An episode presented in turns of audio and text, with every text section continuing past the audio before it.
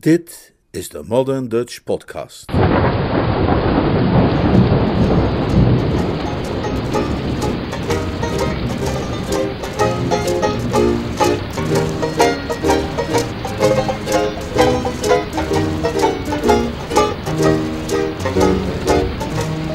Noodweer op kasteel Blauwdings.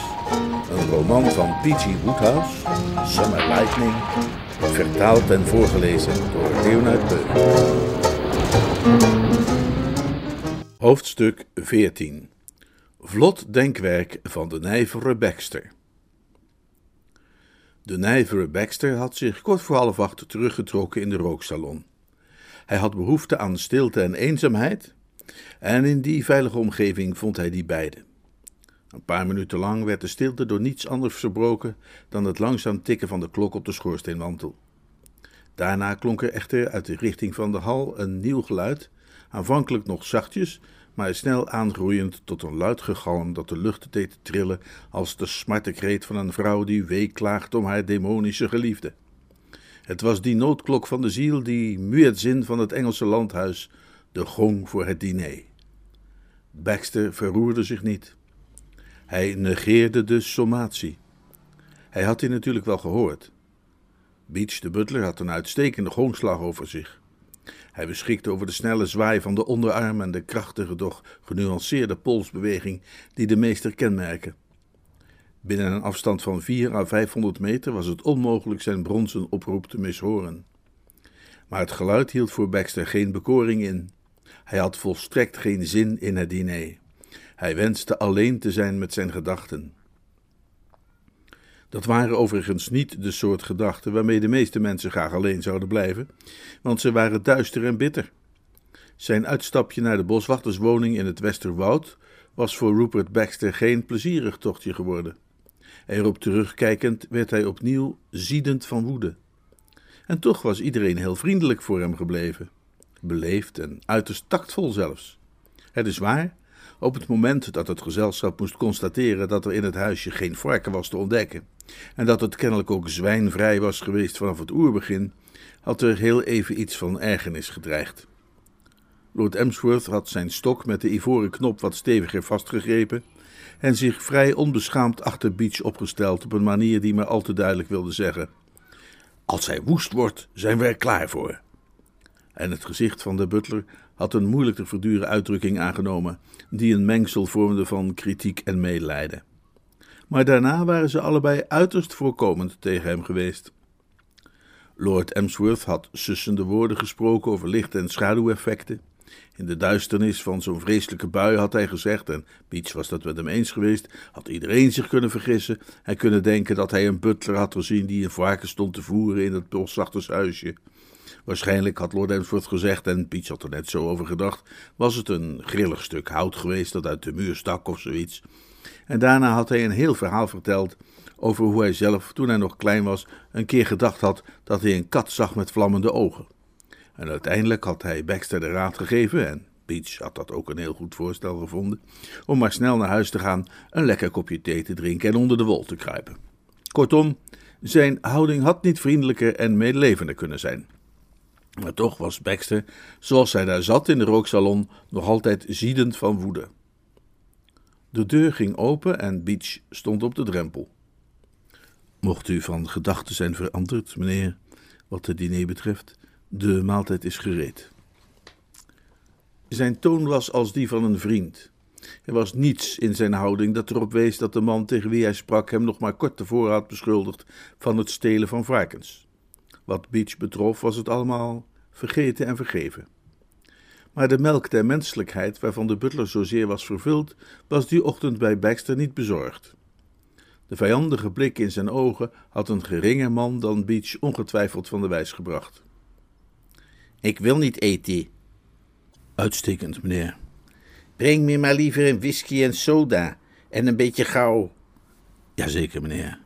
De deur ging even zachtjes dicht als zij was opengegaan, maar niet dan nadat een steek als van een gloeiend hete pijl de borst van de ex-secretaris had doorboord. De oorzaak daarvan was dat hij de butler, terwijl deze zich terugtrok, duidelijk een medelijdende zucht had horen slaken. Het was het soort van zucht dat een zachtmoedig mens ontsnapt bij het zien van de geluiddichte cel waarin een oude vriend voor zijn eigen bestwil moet worden opgesloten. En Baxter verafschuwde die met alle kracht van zijn heerszuchtige natuur. Hij was nog bezig te verzinnen wat hij hiertegen kon doen, toen de verfrissingen arriveerden, aangedragen door James, de huisknecht. James zette het dienblad voorzichtig op tafel, wierp een korte blik vol respect en medelijden op de patiënt en verdween weer geruisloos. Die zucht van daarnet had Baxter getroffen als een mes. Deze blik doorstak hem als een dolk. Heel even dacht hij eraan de man terug te roepen en hem te vragen waarom hij het voor de duivel nodig had gevonden om zo naar hem te kijken. Voorlopig leek het hem echter verstandiger dat toch maar niet te doen. Hij volstond ermee een glas whisky en soda te drinken en twee sandwiches te verorberen. Daarna voelde hij zich een klein beetje, een heel klein beetje, beter. Had hij aanvankelijk Beach en James met plezier vermoord om vervolgens te dansen op hun graven, nu zou hij al heel tevreden zijn met alleen de dubbele moord. In elk geval was hij nu eindelijk alleen. Dat was tenminste een kleine troost. Beach was gekomen en gegaan. James de huisknecht was gekomen en gegaan. Alle anderen moesten intussen op Matchingham Hall zijn, dan wel in de eetkamer. De eenzaamheid waar hij zo naar verlangd had, zou niet verder worden verstoord. Hij hervatte zijn overpeinzingen. Enige tijd lang hielden deze overpeinzingen zich uitsluitend bezig met het recente verleden en droegen zij een morbide karakter. Toen echter de whisky zijn warme gloed begon te verspreiden, werd Rupert Baxter echter overvallen door mildere gedachten. Zijn gedachten richtten zich op Sue. Zulke nijvere en efficiënte types als Rupert Baxter worden niet verliefd op de algemeen gebruikelijke wijze. Hun houding ten opzichte van passie en tederheid is aanzienlijk rationeler dan die van de gemiddelde jeugdige sukkel, die hals over kop zijn hart verliest aan de eerste de beste. Sue kon Baxters goedkeuring wegdragen. Meer viel er niet van te zeggen. Maar deze goedkeuring, opgeteld bij het feit dat Lady Constance hem had weten te vertellen dat dit meisje de dochter was van een man die 60 miljoen dollar bezat, was voor hem genoeg geweest om haar innerlijk te kandideren als de toekomstige mevrouw Baxter. Als zodanig had hij haar geoormerkt en gearchiveerd vanaf hun allereerste ontmoeting. Vanzelfsprekend was het daarom dat de opmerkingen die Lord Emsworth binnen haar gehoorsafstand had laten vallen hem zoveel misnoegen hadden geschonken. Het hindert een man in zijn hofmakerij wanneer het meisje waar hij het oog op heeft laten vallen, om mee te beginnen het idee gegeven wordt dat hij zo gek is als een draaideur. Hij prees zichzelf om de prompte wijze waarop hij die situatie had aangepakt. De brief die hij haar had geschreven, moest hem ongetwijfeld in haar ogen volkomen hebben gerechtvaardigd. Rupert Baxter was een man in wiens woordenboek het begrip mislukking niet voorkwam. Hij besefte dat het een rijke erfgename als Miss Shoemaker niet aan huwelijkskandidaten zou ontbreken, maar hij vreesde die niet. Wanneer ze maar lang genoeg op uh, kasteel Blanding zou verblijven, zou hij haar dankzij zijn krachtig en onverzettelijk karakter ongetwijfeld voor zich weten te winnen. Sterker nog, hij meende op dat moment de huwelijksklokken reeds te horen luiden. Meteen daarna besefte hij evenwel dat het de telefoon was die hem uit zijn dagdroom wekte. Geërgerd door de onderbreking van zijn gedachten, nam hij fronsend de hoorn op en meldde zich wrevelig. Hallo? Een holle stem antwoordde. De onweersbui leek het telefoonnet te hebben aangetast. Spreek luid, heer, blafte Baxter. Hij sloeg krachtig met de telefoonhoorn tegen de tafelrand. Deze methode bleek als vaker effectief. Met Blandingskastel? vroeg de stem nu minder hol. Ja? Met het postkantoor van Market Blandings. Ik heb hier een telegram voor Lady Constance Kiemel. U kunt het mij voorlezen. De stem werd weer zwakker. Baxter herhaalde zijn primitieve remedie. Lady Constance Kiemel, kasteel Blandings, Market Blandings, Shropshire, Engeland. Zei de stem met weer wat meer kracht, alsof hij zich hersteld had van een slopende ziekte. Verzonden te Parijs. Te wat? Parijs, Frankrijk. Oh, goed. Lees die maar voor. De stem won nog iets aan volume.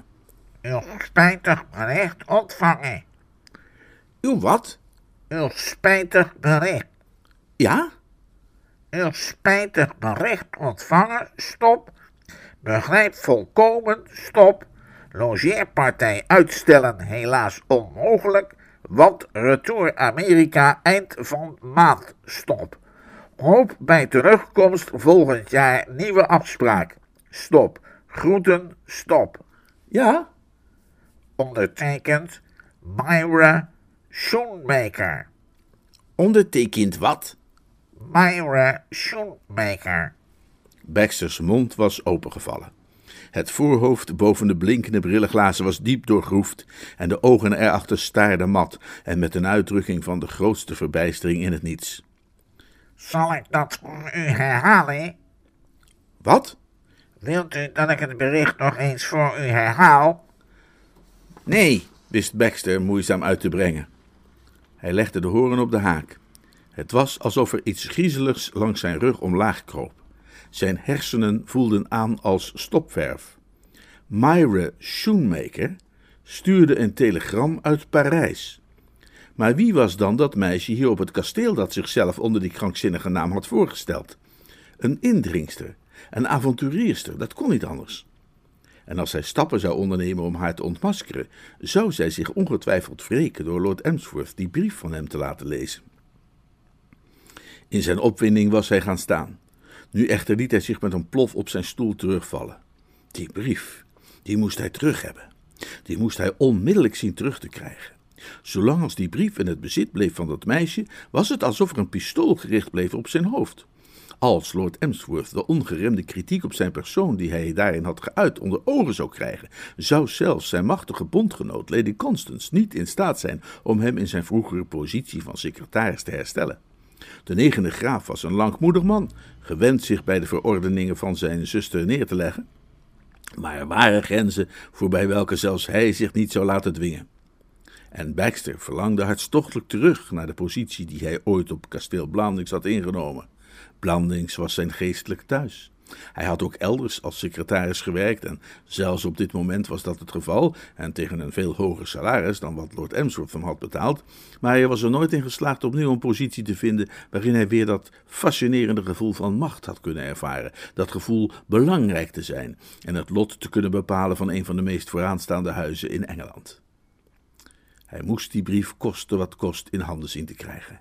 En het ideale moment om daar een poging toe te wagen, besefte hij, was het huidige. Dat meisje moest het ding ergens in haar kamer hebben liggen en voor minstens nog een uur zou ze beneden aan de eettafel zitten. Hij zou ruimschoots de gelegenheid hebben die kamer te doorzoeken. Hij treuzelde geen moment. Dertig seconden later stond hij bovenaan de trap, zijn gezicht vastberaden, zijn brillenglazen grimmig blinkend. En een minuut later was hij op zijn bestemming. En geen beschermengel die wist wat in de toekomst lag, stond op de drempel om hem de weg te versperren. Sterker nog, de deur stond op een kier. Hij deed die open en ging naar binnen. Kasteel Blandings, zoals de meeste huizen van die omvang en dat belang, bevatte een aantal slaapkamers die dermate indrukwekkend waren dat ze nooit werden gebruikt. Er stonden hemelbedden en er hingen prachtige, zij het nogal overheersende wandtapijten, want niemand had er gelogeerd sinds de dagen dat koningin Elisabeth I nog op die rusteloze, grillige manier van haar van landhuis naar landhuis hopte en er als laatste in geslapen had. Van de logeerkamers die nog wel in gebruik waren, was de meest luxueuze aan Sue toegewezen. Op het moment dat Baxter er voorzichtig naar binnen sloop, zag die kamer er op zijn allermooist uit in het zacht glanzende avondlicht. Maar Baxter bevond zich niet in de toeristische of museale modus. Hij had geen oog voor het met houtsnijwerk versierde ledikant, de fraaie fauteuils, de schilderijen, de siervoorwerpen en het zachte tapijt waarin zijn voeten wegzonken. De schoonheid van de avondhemel die te zien was door de openslaande deuren naar het balkon, achtte hij nauwelijks een blik waard. Hij haastte zich onverwijld naar het bureau dat naast het bed tegen de muur stond. Dat leek hem een uitstekend vertrekpunt voor zijn zoektocht. Er waren verschillende laadjes en vakjes in dat bureau. Hij vond er blanco briefpapier in alle soorten en maten, briefkaarten, enveloppen, telegramformulieren en zelfs een bloknootje waarop de gasten die in deze kamer logeerden wellicht verwacht werden hun gedachten en invallen te noteren met betrekking tot het leven zoals die zich voor het slapen gaan aan hen mochten voordoen. Maar geen enkel vakje of laadje bevatte de fatale brief. Hij ging rechtop staan en keek de kamer rond. De la van de toilettafel was natuurlijk ook een mogelijkheid. Hij liep erheen. Om optimaal gebruik van te kunnen maken, dient een toilettafel uiteraard goed in het licht te staan. Daar had men ook bij de plaatsing van dit exemplaar rekening mee gehouden. Hij stond zo dicht naast de geopende balkondeuren dat het franje aan de lampenkapjes zachtjes bewoog in de wind. En Baxter kon, nu hij ervoor stond, voor het eerst ook het hele balkon overzien.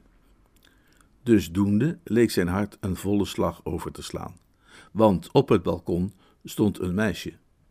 Ze leunde over het muurtje en staarde uit over de grindvlakte die zich uitstrekte van de voordeur tot aan de met rhododendrons omzoomde oprijlaan.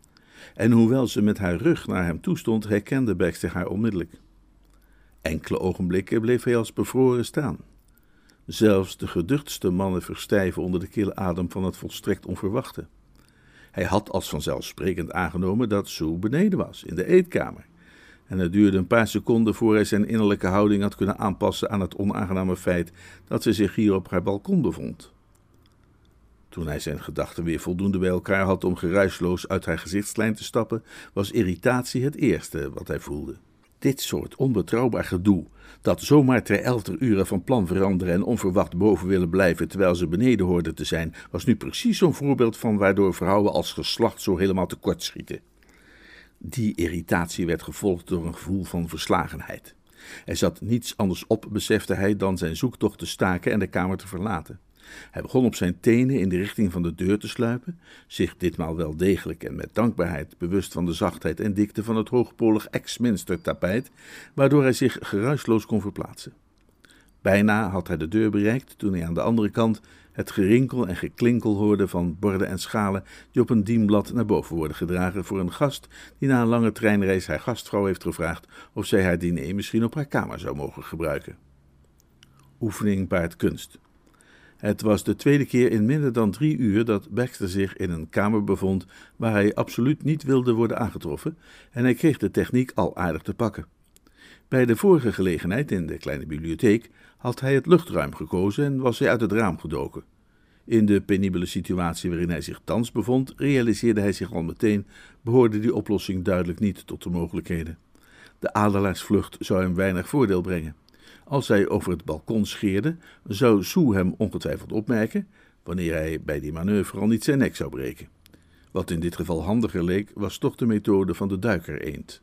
En dus zonk Rupert Baxter, zodra de deurknop begon te bewegen, nijver en efficiënt als altijd, op handen en knieën en gleed behendig onder het bed, alsof hij dat wekenlang zo had geoefend. Door de ruimtelijke beperkingen en het geringe beschikbare gezichtsveld zijn er voor iemand die zich onder een bed verstopt weinig andere bronnen van informatie dan te luisteren naar wat er buiten zijn schuilplaats gebeurt. Misschien hoort hij iets interessants, misschien ook alleen het suizen van de tocht langs de vloer, maar hoe dat ook zij, het is alles wat hij kan doen. Het eerste geluid dat Rupert Baxter vernam was het geluid van het dienblad dat op tafel werd gezet. Na een paar seconden hoorde hij dan het gekraak van schoenen op het tapijt, dat langzaam buiten gehoorsafstand verdween. En Baxter herkende het betreffende gekraak als dat van de tweede huisknecht Thomas, die als een opvallende kraker bekend stond. Uit de puffende geluiden die even later klonken, wist hij de aanwezigheid van Beach te deduceren. Uw diner staat gereed, juffrouw. Oh, dank je wel. Het meisje was kennelijk van het balkon naar binnen gekomen. Een stoel werd bij de tafel geschoven. Een kruidige geur drong tot Baxter's neusgaten door, wat hem meteen een onaangenaam gevoel bezorgde. Het deed hem beseffen hoeveel honger hij had en hoe onverstandig het van hem was geweest om eerst het diner over te slaan en genoegen te nemen met een paar sandwiches en vervolgens een actie te ondernemen die hem in dit soort lastige positie kon brengen op een nagenoeg lege maag. Dit is kip, juffrouw, en casserole. Baxter had die conclusie al getrokken en probeerde er niet te veel aan te denken. Hij kreunde in stilte. Behalve de tantaluskwelling dat verrukkelijke voedsel te moeten ruiken, ervoer hij ook een groeiend gevoel van kramp in zijn linkerbeen. Hij ging op zijn zij liggen en probeerde ijverig de kalme nonchalance na te streven waarmee die Indiase fakirs, ongetwijfeld vanuit de beste motieven, de beste jaren van hun leven doorbrengen op een bed van ijzeren spijkers. Het ziet er heerlijk uit. Het zal u vast en zeker smaken, juffrouw. Is er verder nog iets dat ik voor u kan doen? Nee, dank je. Of wacht even, toch wel. Zou je dat manuscript even voor me willen pakken dat op het balkon ligt? Ik zat dat daar te lezen en heb het op mijn stoel laten liggen. Het is dat boek van Mr. Threepwood, weet je wel? Ach, werkelijk, juffrouw. Een bijzonder interessante bundel, stel ik mij voor. Jazeker. Zou ik misschien zo vrij mogen zijn, mis, u te vragen om mij, wanneer u daar een keer de tijd voor vindt, te vertellen of mijn naam in die bundel ook genoemd wordt? Jouw naam? Jawel, mis. Uit wat Mr. Galahad mij zo af en toe daarover verteld heeft, heb ik kunnen opmaken dat het zijn bedoeling was mij in zijn boek te vermelden als de bron van zekere verhalen die erin aan de orde komen. Zou je dat graag willen? Bijzonder graag, mis. Ik zou het als een eer beschouwen. Bovendien zou het mijn moeder een groot genoegen doen. Heb jij een moeder? Jawel, mis. Zij woont in Eastbourne. De butler bewoog zich op statige wijze naar het balkon, terwijl Sue zich voorzichtig een beeld probeerde te vormen van S. Butlers moeder en zich afvroeg of zij er ongeveer zo uit zou zien als hij. Gehaaste passen klonken inmiddels op de gang, de deur vloog open en Bietjes moeder verdween uit haar gedachten als het onstoffelijk weefsel in haar droom. Met een verstikte kreet sprong ze op. Daar stond Ronnie voor haar.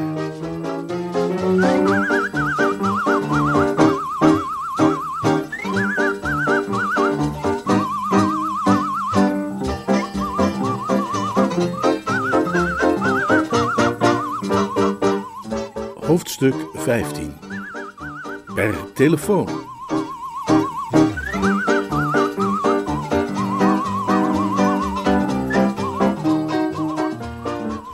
Intussen, om een uitdrukking uit een verwante kunstvorm te gebruiken, keren wij even terug naar Hugo Carmody.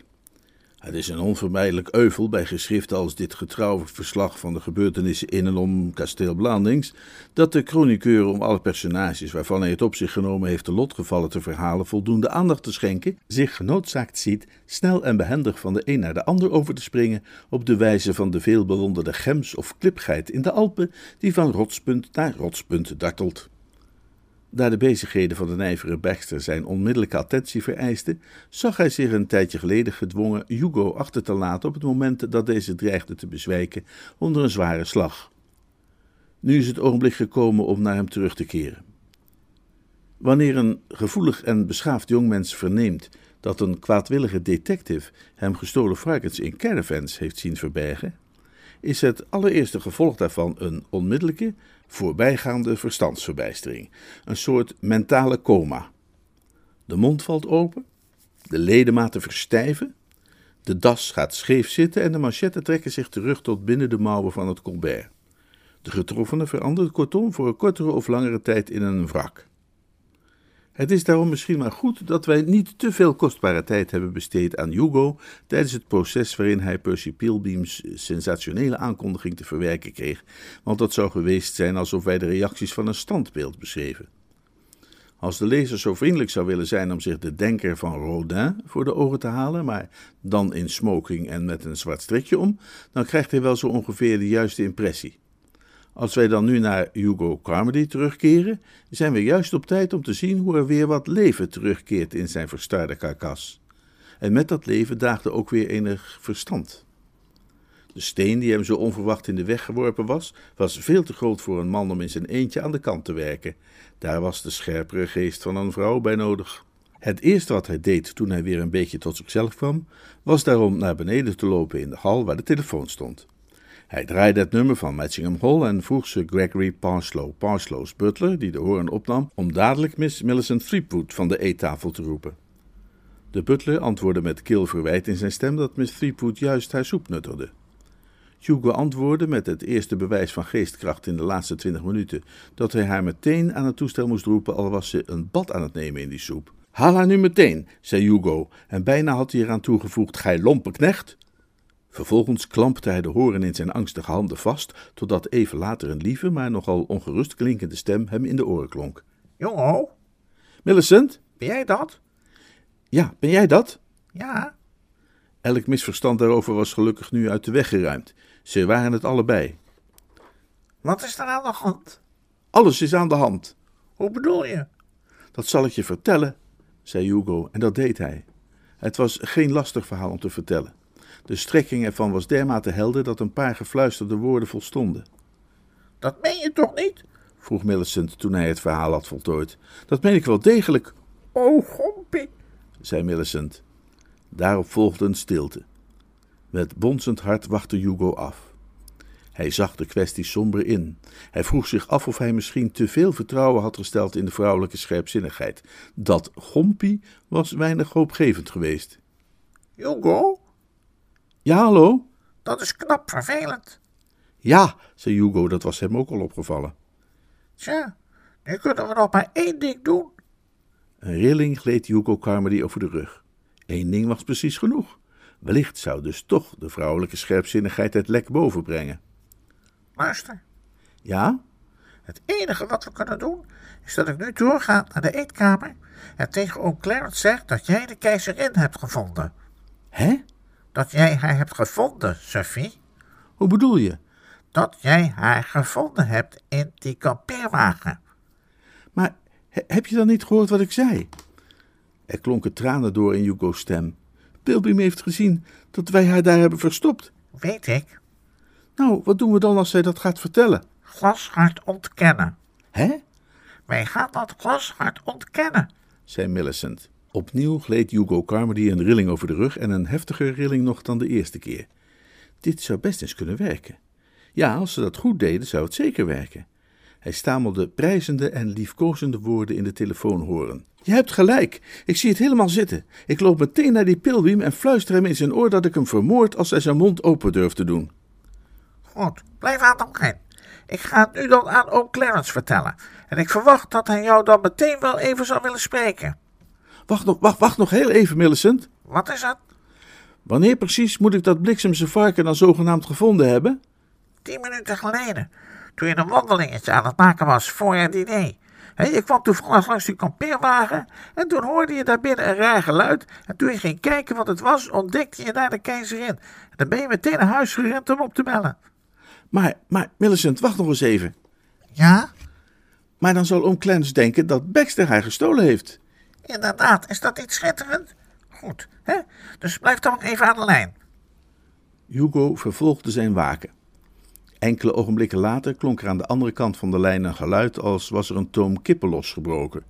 Hij trok de correcte conclusie dat het de negende graaf van Emsworth was die probeerde zijn gedachten onder woorden te brengen. Ja, Lord Emsworth? Carmody? Eh, ja, Lord Emsworth? Is het waar wat, wat, wat ik hoor? Ja, Lord Emsworth? Heb, heb, heb, jij, heb jij de keizerin teruggevonden? Ja, Lord Emsworth? In, in, in de kam- kampeerwagen van die ver- vernoemde Baxter? Ja, Lord Emsworth? Maar sapristi! Ja, Lord Emsworth? Tot zover had Hugo zijn aandeel in de dialoog verrukkelijk eenvoudig gevonden. Op deze manier had hij wel de hele avond door willen blijven converseren. Maar helaas was er nog iets anders dan ja, Lord Emsworth, dat hij nu zou moeten proberen te zeggen. Het is eb en vloed in 's mensen leven. Bij vloed brengt dat getij geluk. En hoger dan dit zou de vloed niet komen, besefte hij. Hij slikte twee keer alvorens zijn stembanden aan te spannen. Lord Emsworth, zei hij, en hoewel zijn hart hevig bonsde, klonk zijn stem beheerst. Ik, ik, ik wil graag van de gelegenheid gebruik maken om u nog iets anders belangrijks te zeggen. Het is misschien een hele verrassing voor u, maar naar ik hoop geen onaangename. Ik houd van uw nichtje Millicent, Lord Emsworth, en zij houdt van mij. Wij vormen al wekenlang een paar en wij hopen dat u ons toestemming wilt geven voor een huwelijk. Ik ben geen rijk man, Lord Emsworth. Sterker nog, afgezien van mijn salarisbezitting, om precies te zijn, geen rode cent. Maar mijn oom Lester is de bezitter van Rudge Hall in Worcestershire. U zult het huis ongetwijfeld kennen. Op de weg naar Birmingham sla je links af en dan kom je na een paar. Nou ja, het is nogal een aanzienlijk huis in Worcestershire. En dat is dus van mijn oom Lester. Althans, dat is ons familiebezit. En ik ben zijn directe erfgenaam. Nu wil ik niet beweren dat mijn oom Lester ook maar enigszins van plan lijkt binnen afzienbare tijd de pijp aan Maarten te geven. Integendeel, de laatste keer dat ik hem zag, zag hij er blakend uit, maar hij wordt natuurlijk wel een dagje ouder en alle vlees is als gras. En zoals ik zeg, ik, ik ben de eerste qua erfopvolging en zo, dus uiteindelijk komt het wel een keer goed qua slappe was. En, en dan het huis natuurlijk en het landgoed en de pachtboerderijen en al dat soort dingen. Dus wat ik mij wil zeggen is dat ik Millicent later heus wel zou kunnen onderhouden. En eh, als u wist, Lord Emsworth, hoeveel wij van elkaar houden, dan zou u vast wel begrijpen, daar ben ik zeker van, dat het niet heel sportief zou zijn om in de weg te gaan staan van ons geluk. Dus waar ik heen wil, als u mij volgen kunt, is de vraag eh, eh, of u het goed vindt. Aan de andere kant van de lijn bleef het doodstil. Het was alsof het wereldkundig maken van deze oprechte liefde Lord Emsworth met stomheid had geslagen. Het was pas enige ogenblikken later, nadat hij zes keer hallo had geroepen en twee keer bent u er nog? Dat het Hugo begon te dagen dat hij 310 eloquent geformuleerde woorden nutteloos in de lege ruimte had staan roepen. Zijn vanzelfsprekende ergernis bij die ontdekking werd aanzienlijk getemperd toen plotseling Millicent's stem in zijn oor klonk. Hallo? Hallo? Hallo? Hallo? Jongen? Hallo? Zeg, jongen? Haar stem klonk blij en opgewonden als die van een meisje dat zojuist ontsnapt is aan een huiselijke twist. Moet je horen, jongen? Het begint hier behoorlijk spannend te worden. Ik heb ook Clarence daarnet gezegd dat ik met jou wil gaan trouwen. Ja, dat heb ik ook gedaan, alleen hij was er niet. Ik zei, oh Clarence, bent u Mr. Carmody niet dankbaar dat hij de keizerin voor u heeft teruggevonden? En hij zei, ja, ja, ja, ja, ja, nou en of, geweldige vent, geweldige vent, altijd, altijd gevonden. En toen zei ik dus, dus je vindt het wel goed als ik met hem ga trouwen. En hij zei, hè, wat, met hem trouwen? Ja, zei ik, met hem trouwen. En toen zei hij, tuurlijk, tuurlijk, tuurlijk, tuurlijk, geen probleem. En toen werd tante Constance opeens woest, maar oom zei dat ze een echte spelbreekster was en dat ze zich moest schamen om zomaar een spaak in het wiel te steken bij zoveel brilgeluk. En ook Clarence bleef maar tuurlijk, tuurlijk, tuurlijk, tuurlijk zeggen. Wat die oude Parslow er intussen allemaal van vindt, weet ik niet. Die zit maar in zijn stoel uit het plafond te staren en drinkt port. De butler is aan het eind van de eerste ronde de kamer uitgegaan. En ik ga nu terug om te zien hoe het allemaal afloopt. Blijf hangen, blijf hangen, hè? Een man die weet dat op vijf kilometer afstand over zijn lot wordt beslist, waar geluk en ellende voor hem in de waagschaal liggen, en wiens enige middel om de uitslag te vernemen de telefoonlijn is, zal niet snel geneigd zijn de horen op de haak te gooien. Ademloos en gespannen bleef Hugo luisteren als iemand die via de radio een kampioenswedstrijd volgt, waar hij stevig op heeft ingezet. Pas toen een vrolijke stem vlak naast hem begon te spreken, realiseerde hij zich dat hij niet langer alleen was. Tot overmaat van ramp was het de stem van Percy Pilbeam. Percy Pilbeam zag er rozig en voldaan uit. Hij zwalkte lichtjes bij het lopen en zijn glimlach was breed als een keienstrand, zoals men dat bij geheelonthouders zelden ziet. Hallo, comedy, zei Percy Pilbeam. Hoi, doei, comedy, hier zit jij dus, comedy. Hugo herinnerde zich dat hij met die kerel nog dringend een appeltje te schillen had. Kom hier, jij, riep hij uit. Serieus, Carmody? Wil jij dat ik jou eens stevig in elkaar sla? Helemaal niet, Carmody. Dan moet jij eens even goed naar mij luisteren. Jij hebt mij nooit enig varken in een kampeerwagen zien verstoppen, begrepen? Maar dat heb ik wel, Carmody. Dat heb jij niet. Tenminste niet als jij graag nog wat verder zou willen leven. Percy Pilbeam bleek niet alleen in een opvallend intelligente buit te verkeren, maar toonde ook een uiterste redelijkheid en zelfs een vriendelijke genegenheid. Zeg maar niks meer, comedy, zei hij instemmend. Snap helemaal wat je bedoelt. Jij wilt dat ik al niemand vertel dat ik jou die kampeerwagen in dat varken heb zien verstoppen. prima, comedy, prima. Juist, en zorg dat jij dat vooral niet vergeet. Oh nee, comedy, oh nee, dat vergeet ik niet. Ging trouwens nog een stukje wandelen, comedy. Loop je even met me mee? Ach, loop naar de hel. Eh, prima, prima, zei Percy Pilbeam. Hij stevende wankel in de richting van de deur, mikte even goed en liep er veilig doorheen. Twee tellen later klonk Millicent's stem door de telefoon. Jongen, Hallo? jongen, lieveling. De strijd is gestreden en we hebben gewonnen. Oom Clarence heeft 65 keer tuurlijk, tuurlijk, tuurlijk gezegd. En zojuist tante Constance duidelijk gemaakt dat als zij denkt dat ze de baas over hem kan spelen, zij zich hopeloos vergist. Het was een eitje. Ze komen nu allemaal terug naar Blandings in de auto. Oom Clarence is een echte engel. Net als jij. Wie, ik? Ja, jij.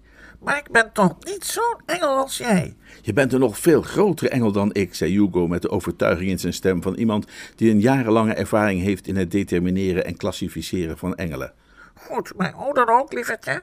Ik rij niet met je mee. Ik kom naar huis lopen. Pak jij Ronnie's toeschieten en pik me halverwege op. Dan gaan we samen eind rijden. Bijlenver over de landweggetjes. Het is een verrukkelijke avond. Nou en of, zei Hugo hardgrondig. Een verrukkelijke avond, dat zou ik zeggen. Geef me twee minuten om de wagen uit de garage te halen en vijf om je tegemoet te rijden. Tot zo, Toedeloe. zei Millicent. Ding dong, zei Hugo.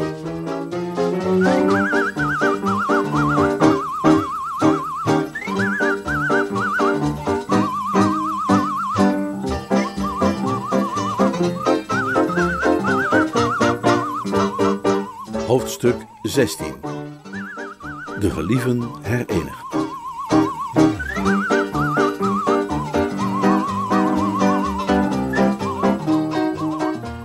Sue staarde hem aan met wijd open ogen. Dit moment had ze zich wel honderd keer proberen voor te stellen, en telkens had haar voorstellingsvermogen tekortgeschoten. In haar fantasie had ze Ronnie soms heel koel voor zich gezien, heel afstandelijk, heel vijandig. Soms ook stamelend en haar adem happend, stom van verbazing, maar ook wel met een verwijtende vinger wijzend in haar richting, terwijl hij haar als in een melodrama ontmaskerde als een indringer. Het enige waar ze niet op voorbereid was, was wat er nu in de praktijk gebeurde. Eton en Cambridge weten hun zonen goed af te richten. Als die zich eenmaal het basisprincipe hebben eigen gemaakt dat ieder vertoon van emotie ten ene ongepast is, dan kunnen zelfs inslaande bommen hun kalmte niet verstoren en zullen aardbevingen nauwelijks een pardon bij hen weten los te maken. Maar er zijn grenzen aan wat Cambridge vermag en hetzelfde geldt voor Eton. Spijt en berouwen hadden Ronnie Fish gedreven tot een punt waarop hun ijzeren discipline niet langer gold. Hij was tot in het diepste van zijn ziel geroerd, en zijn vuurrode wangen, zijn verwarde haren, zijn verschrikte ogen en zijn wriemelende vingers lieten dat maar al te duidelijk zien. Ronnie! riep Sue uit. Ze kreeg niet de kans om meer te zeggen. De gedachte aan wat zij om zijnentwil gedaan had, de gedachte dat zij uit liefde voor hem onder valse vlag naar kasteel Blandings was gekomen, als een indringster die elk moment ontmaskerd kon worden en lasterlijk blootgesteld aan een blik door haar lorgnet van tante Constance, de gedachte aan de schandalige manier waarop hij haar behandeld had, al die gedachten kwelden Ronald Fish als met gloeiende ijzers. Het bloed van de visjes was er door aan de kook gebracht, en nu hij oog in oog met haar stond, aarzelde hij dan ook niet. Hij sprong op haar af, greep haar in zijn armen en drukte haar tegen zich aan. Hoewel hij probeerde om niet te luisteren, werden Rupert Baxter's oren gevuld met de heese stortvloed van Ronnie's zelfverwijten. Ronnie vertelde omstandig wat hij van zichzelf vond, en kennelijk was zijn oordeel niet erg positief. Hij noemde zichzelf een monster, een bruut, een zwijn, een rund, een hond en een worm. Als hij het over Percy Pilbeam zou hebben gehad, had hij nauwelijks minder complimenteus kunnen zijn. Tot hier aan toe had de dialoog Baxter al niet zo erg bevallen, maar nu werd die zelfs uitgesproken misselijkmakend. Sue zei dat het allemaal haar schuld was geweest. Ronnie zei nee, het was die van hem. Nee, die van haar, zei Sue. Nee, die van hem, zei Ronnie. Nee, die van haar, zei Sue. Nee, absoluut echt die van hem, zei Ronnie. Het moest wel die van hem geweest zijn, licht hij toe, want, zoals hij al had duidelijk gemaakt, was hij een hond en een worm. En hij wilde zelfs nog wel verder gaan. Hij karakteriseerde zichzelf als een pestbuil, een luis en een gruwelijke hufter. Dat ben je niet. Dat ben ik wel. Dat ben je niet. Dat ben ik wel. Natuurlijk ben je dat niet. Dat ben ik absoluut wel. Nou, maar toch hou ik van je. Onmogelijk. Maar het is zo. Bestaat niet. Wel eens. Onder het bed kronkelde Baxter van stille ellende. Hoe lang nog? sprak Baxter tot zijn onsterfelijke ziel. Hoe lang nog? Die vraag werd verrassend prompt beantwoord. Uit de richting van de openslaande deuren klonk een discreet kuchje. De discussiedeelnemers vlogen uit elkaar, twee zielen met slechts één gedachte. Uw manuscript, juffrouw, zei Beach bedaard. Sue keek hem aan en Ronnie keek hem aan. Sue was even vergeten dat er zelfs maar een Beach bestond, en Ronnie had gedacht dat hij beneden was, bezig met zijn butlerse activiteiten. Geen van beiden leken ze erg blij hem te zien. Ronnie was de eerste die iets zei. Oh, hallo, Beach. Aangezien het enige antwoord daarop zo luidde: Hallo meneer, wat iets is dat butlers nooit zouden zeggen, beperkte Beach zich tot een welwillend glimlach. Dat had het ongelukkige effect dat Ronnie meende dat de man hem een beetje uitlachte. En de visjes zijn lieden die zich niet graag door butlers laten uitlachen, ook niet een beetje. Hij stond dan ook op het punt een hartig woordje te spreken dat die houding meer dan duidelijk zou maken, toen hij bedacht dat zulks op dit moment niet erg verstandig zou zijn. Beach diende te vriend gehouden te worden. Hij dwong zich tot een minzame toon. Ah, uh, ben je daar, Beach? Ja, meneer. Dat uh, ziet er voor jou natuurlijk heel raar uit. Allerminst, meneer. Niet? Men had mij reeds op de hoogte gebracht van uw gevoelens ten opzichte van deze jonge dame, Mr. Ronald. Wat? Ja, meneer. Wie heeft jou dat dan verteld? Mr. Pilbeam, meneer. Ronnie verslikte zich bijna, maar daarna werd hij wat kalmer. Hij had zich plotseling gerealiseerd dat deze man niet alleen zijn bondgenoot was dankzij een vriendschap die terugging tot zijn jongensjaren, maar ook als zijn medeplichtige door de nog sterkere band van een gezamenlijke misdaad met hem verbonden was. Peach, zei hij, hoeveel weet jij? Alles, meneer. Alles? Ja, meneer. Zoals? Beach kuchte. Het is mij bekend dat deze jonge dame zeker Miss Sue Brown is. En volgens mijn bronnen maakt zij deel uit van het corps de ballet eh, van het Regal Theater. Je lijkt wel een wandelende encyclopedie. Ja, meneer. Ik ben van plan met Miss Brown te trouwen, Peach. Wijs voornemen, Mr. Ronald, waarvan de motivering mij evident lijkt, wanneer ik zo brutaal mag zijn, zei de butler met een vaderlijke glimlach. Die glimlach ontging Sue niet. Ronnie, hij deugt. Volgens mij is hij een vriend. Ja, natuurlijk is hij een vriend. Die bovenste beste Beach is een van mijn oudste en trouwste makkers. Maar ik bedoel, hij zal ons niet verraden. Ik, miss, zei Beach gechoqueerd. Natuurlijk niet. Je bent een geweldige kerel, Beach. Dank u wel, meneer. Beach, zei Ronnie, het is nu tijd om tot daden over te gaan. Niet langer getreuzeld. Ik moet zorgen dat ik nu zo snel mogelijk bij oom Clarence in een goed blaadje kom te staan. Meteen als hij vanavond terugkomt, zal ik naar hem toe gaan en hem zeggen dat hij de keizerin van Blandings in het boswachtershuisje in het Westerwoud kan vinden. En als hem dat in de juiste stemming heeft gebracht, ga ik hem vertellen dat ik verloofd ben. Alleen bevindt het dier zich helaas niet meer in dat huisje, Mr. Ronald. Heb je het verplaatst? Ik niet, meneer. Mr. Carmody. Ongelukkigerwijze heeft Mr. Carmody mij betrapt toen ik vanmiddag het varken aan het voeren was.